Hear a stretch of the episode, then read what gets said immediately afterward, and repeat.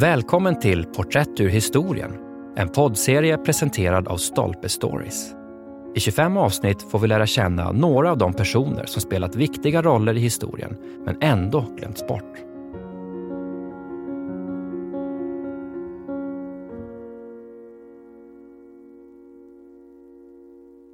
George McGee.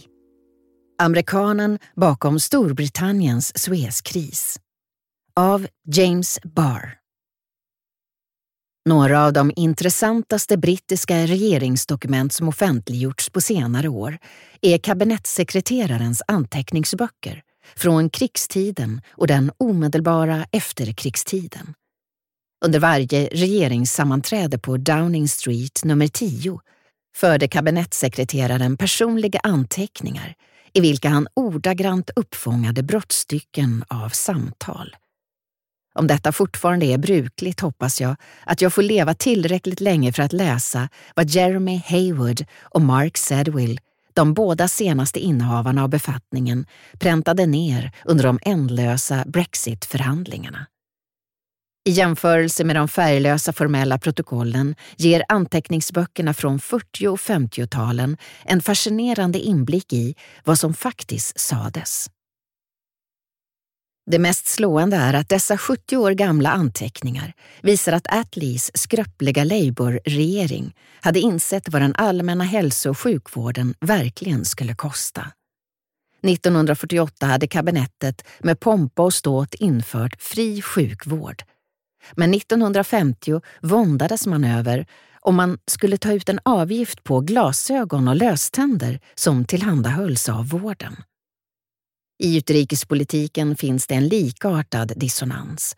Vid en tid då Churchill som ledare för oppositionen trollade fram idén om att det fanns ett särskilt förhållande berättar anteckningsböckerna en annan historia.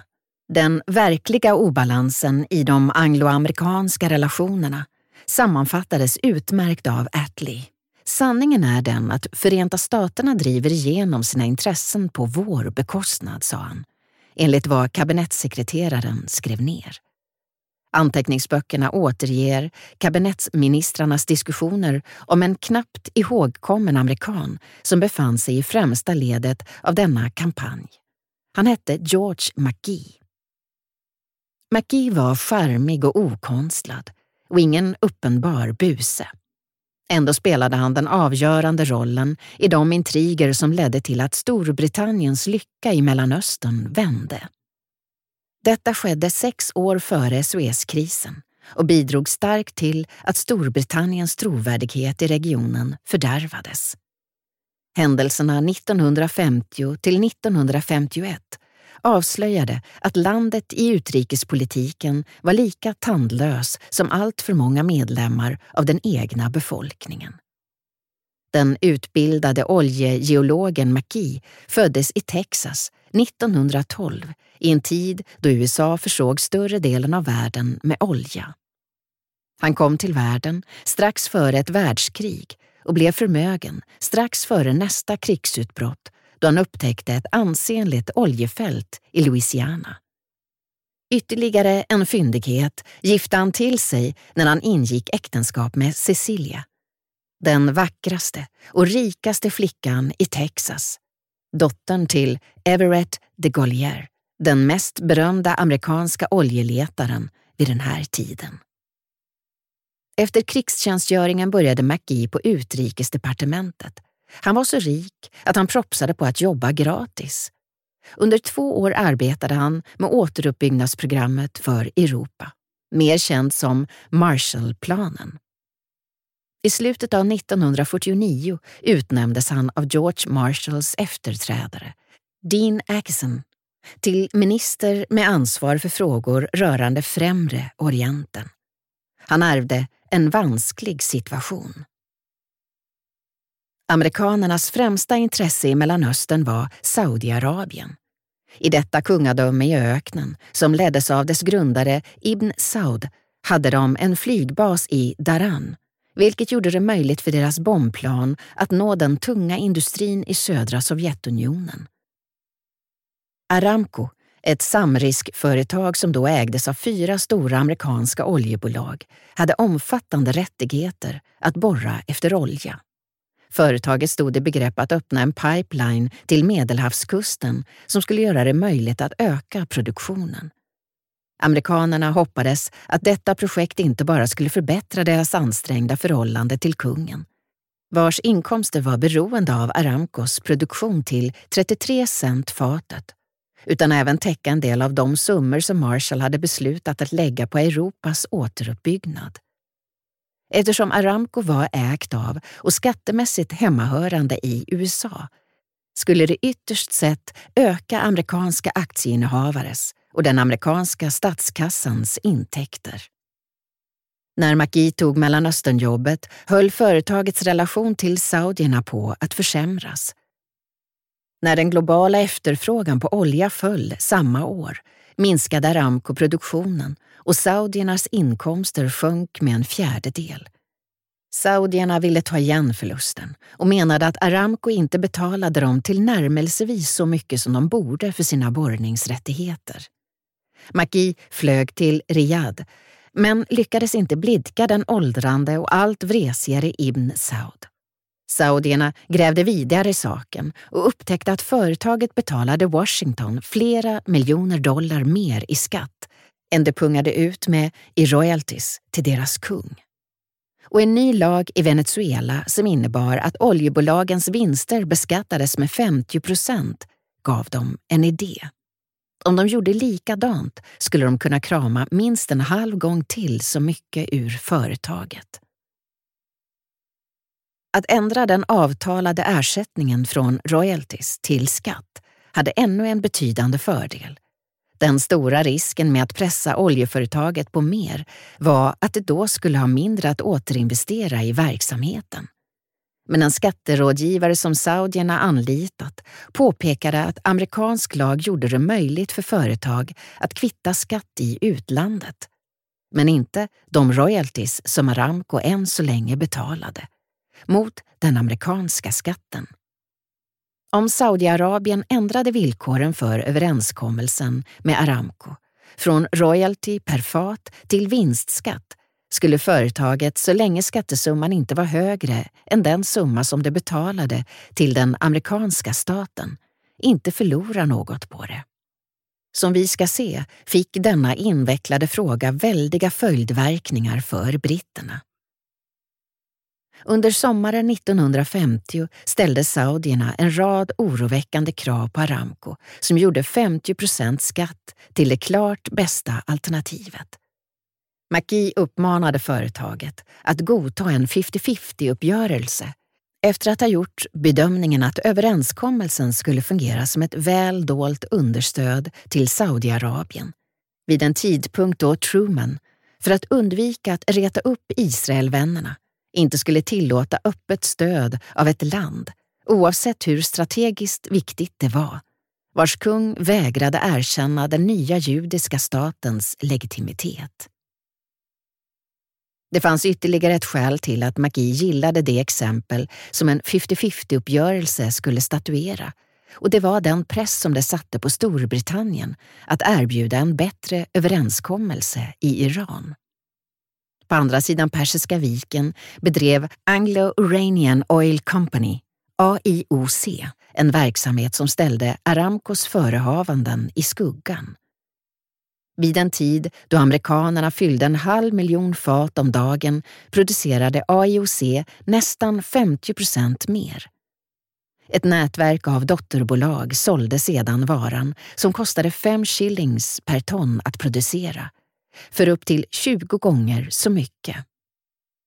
Intäkterna gick huvudsakligen till brittiska staten, som var majoritetsägare i AIOC. Företagets raffinaderi i Abadan vid vattenleden Shat al-Arab var Storbritanniens mest betydande utlandsinvestering. Genom att förvandla råolja till bensin, prissatt i pund, gav detta stinkande, glimmande destilleri det penningbehövande landet en gnutta rå ekonomisk makt. Iranierna tjänade småpotatis i jämförelse. Som en brittisk minister medgav får perserna inte på långa vägar ut lika mycket av det här som vi. Emellertid hade iranierna, liksom saudierna, anlitat en expert för att kasta ljus över hur det verkligen förhöll sig med AIOCs finanser, vars oförskämt sunda status Storbritanniens regering konspirerade med företaget om att dölja. Beväpnade med dessa upplysningar pressade iranierna AIOC för att få bättre villkor. Detta bemötte AIOC, som hade många av landets politiker, och förmodligen shahen, i sin hand med en obetydlig eftergift.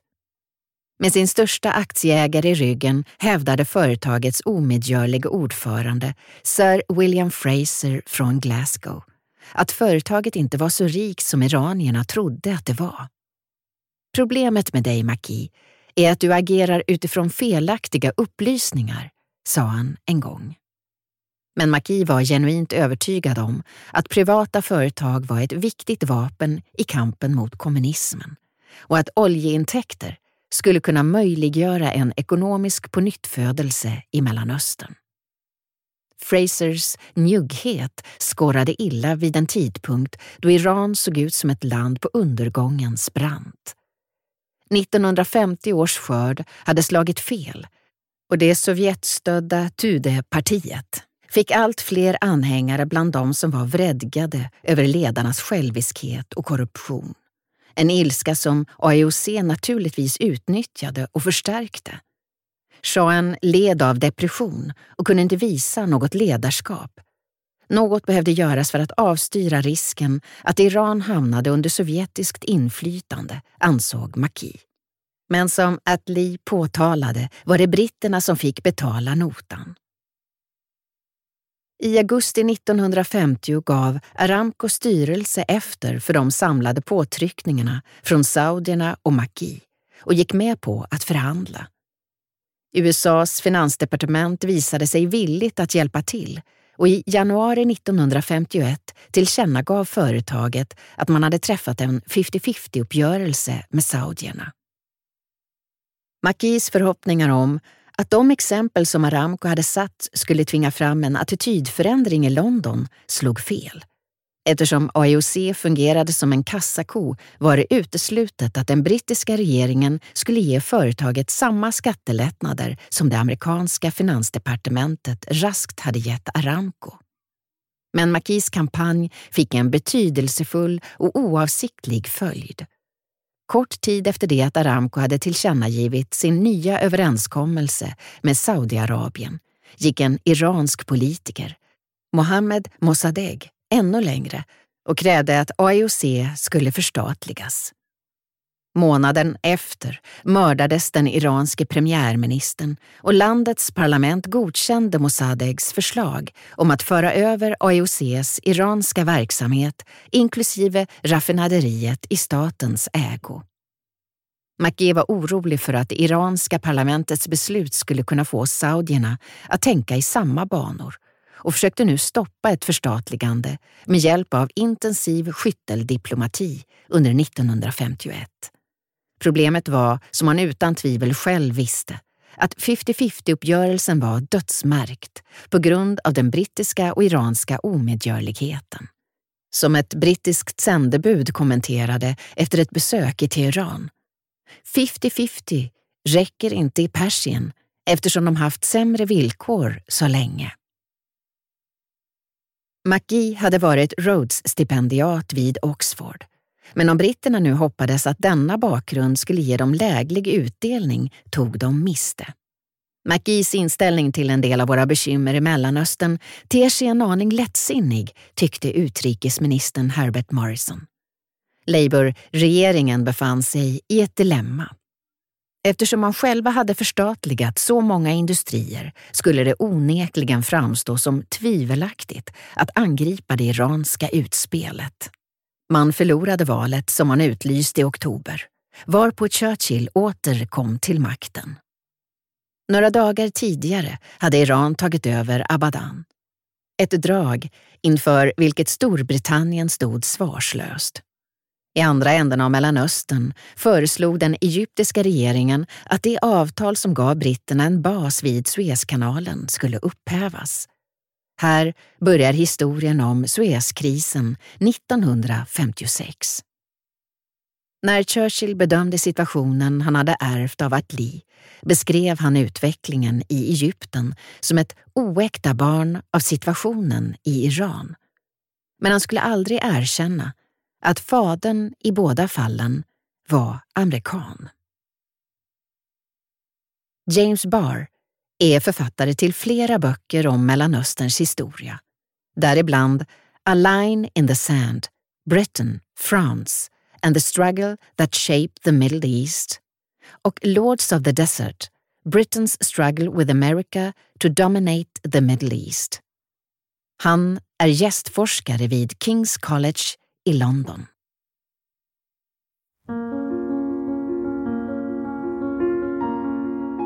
Du har lyssnat på poddserien Porträtt ur historien som presenteras av Stolpe Stories och inläst av Mimmi Kandler.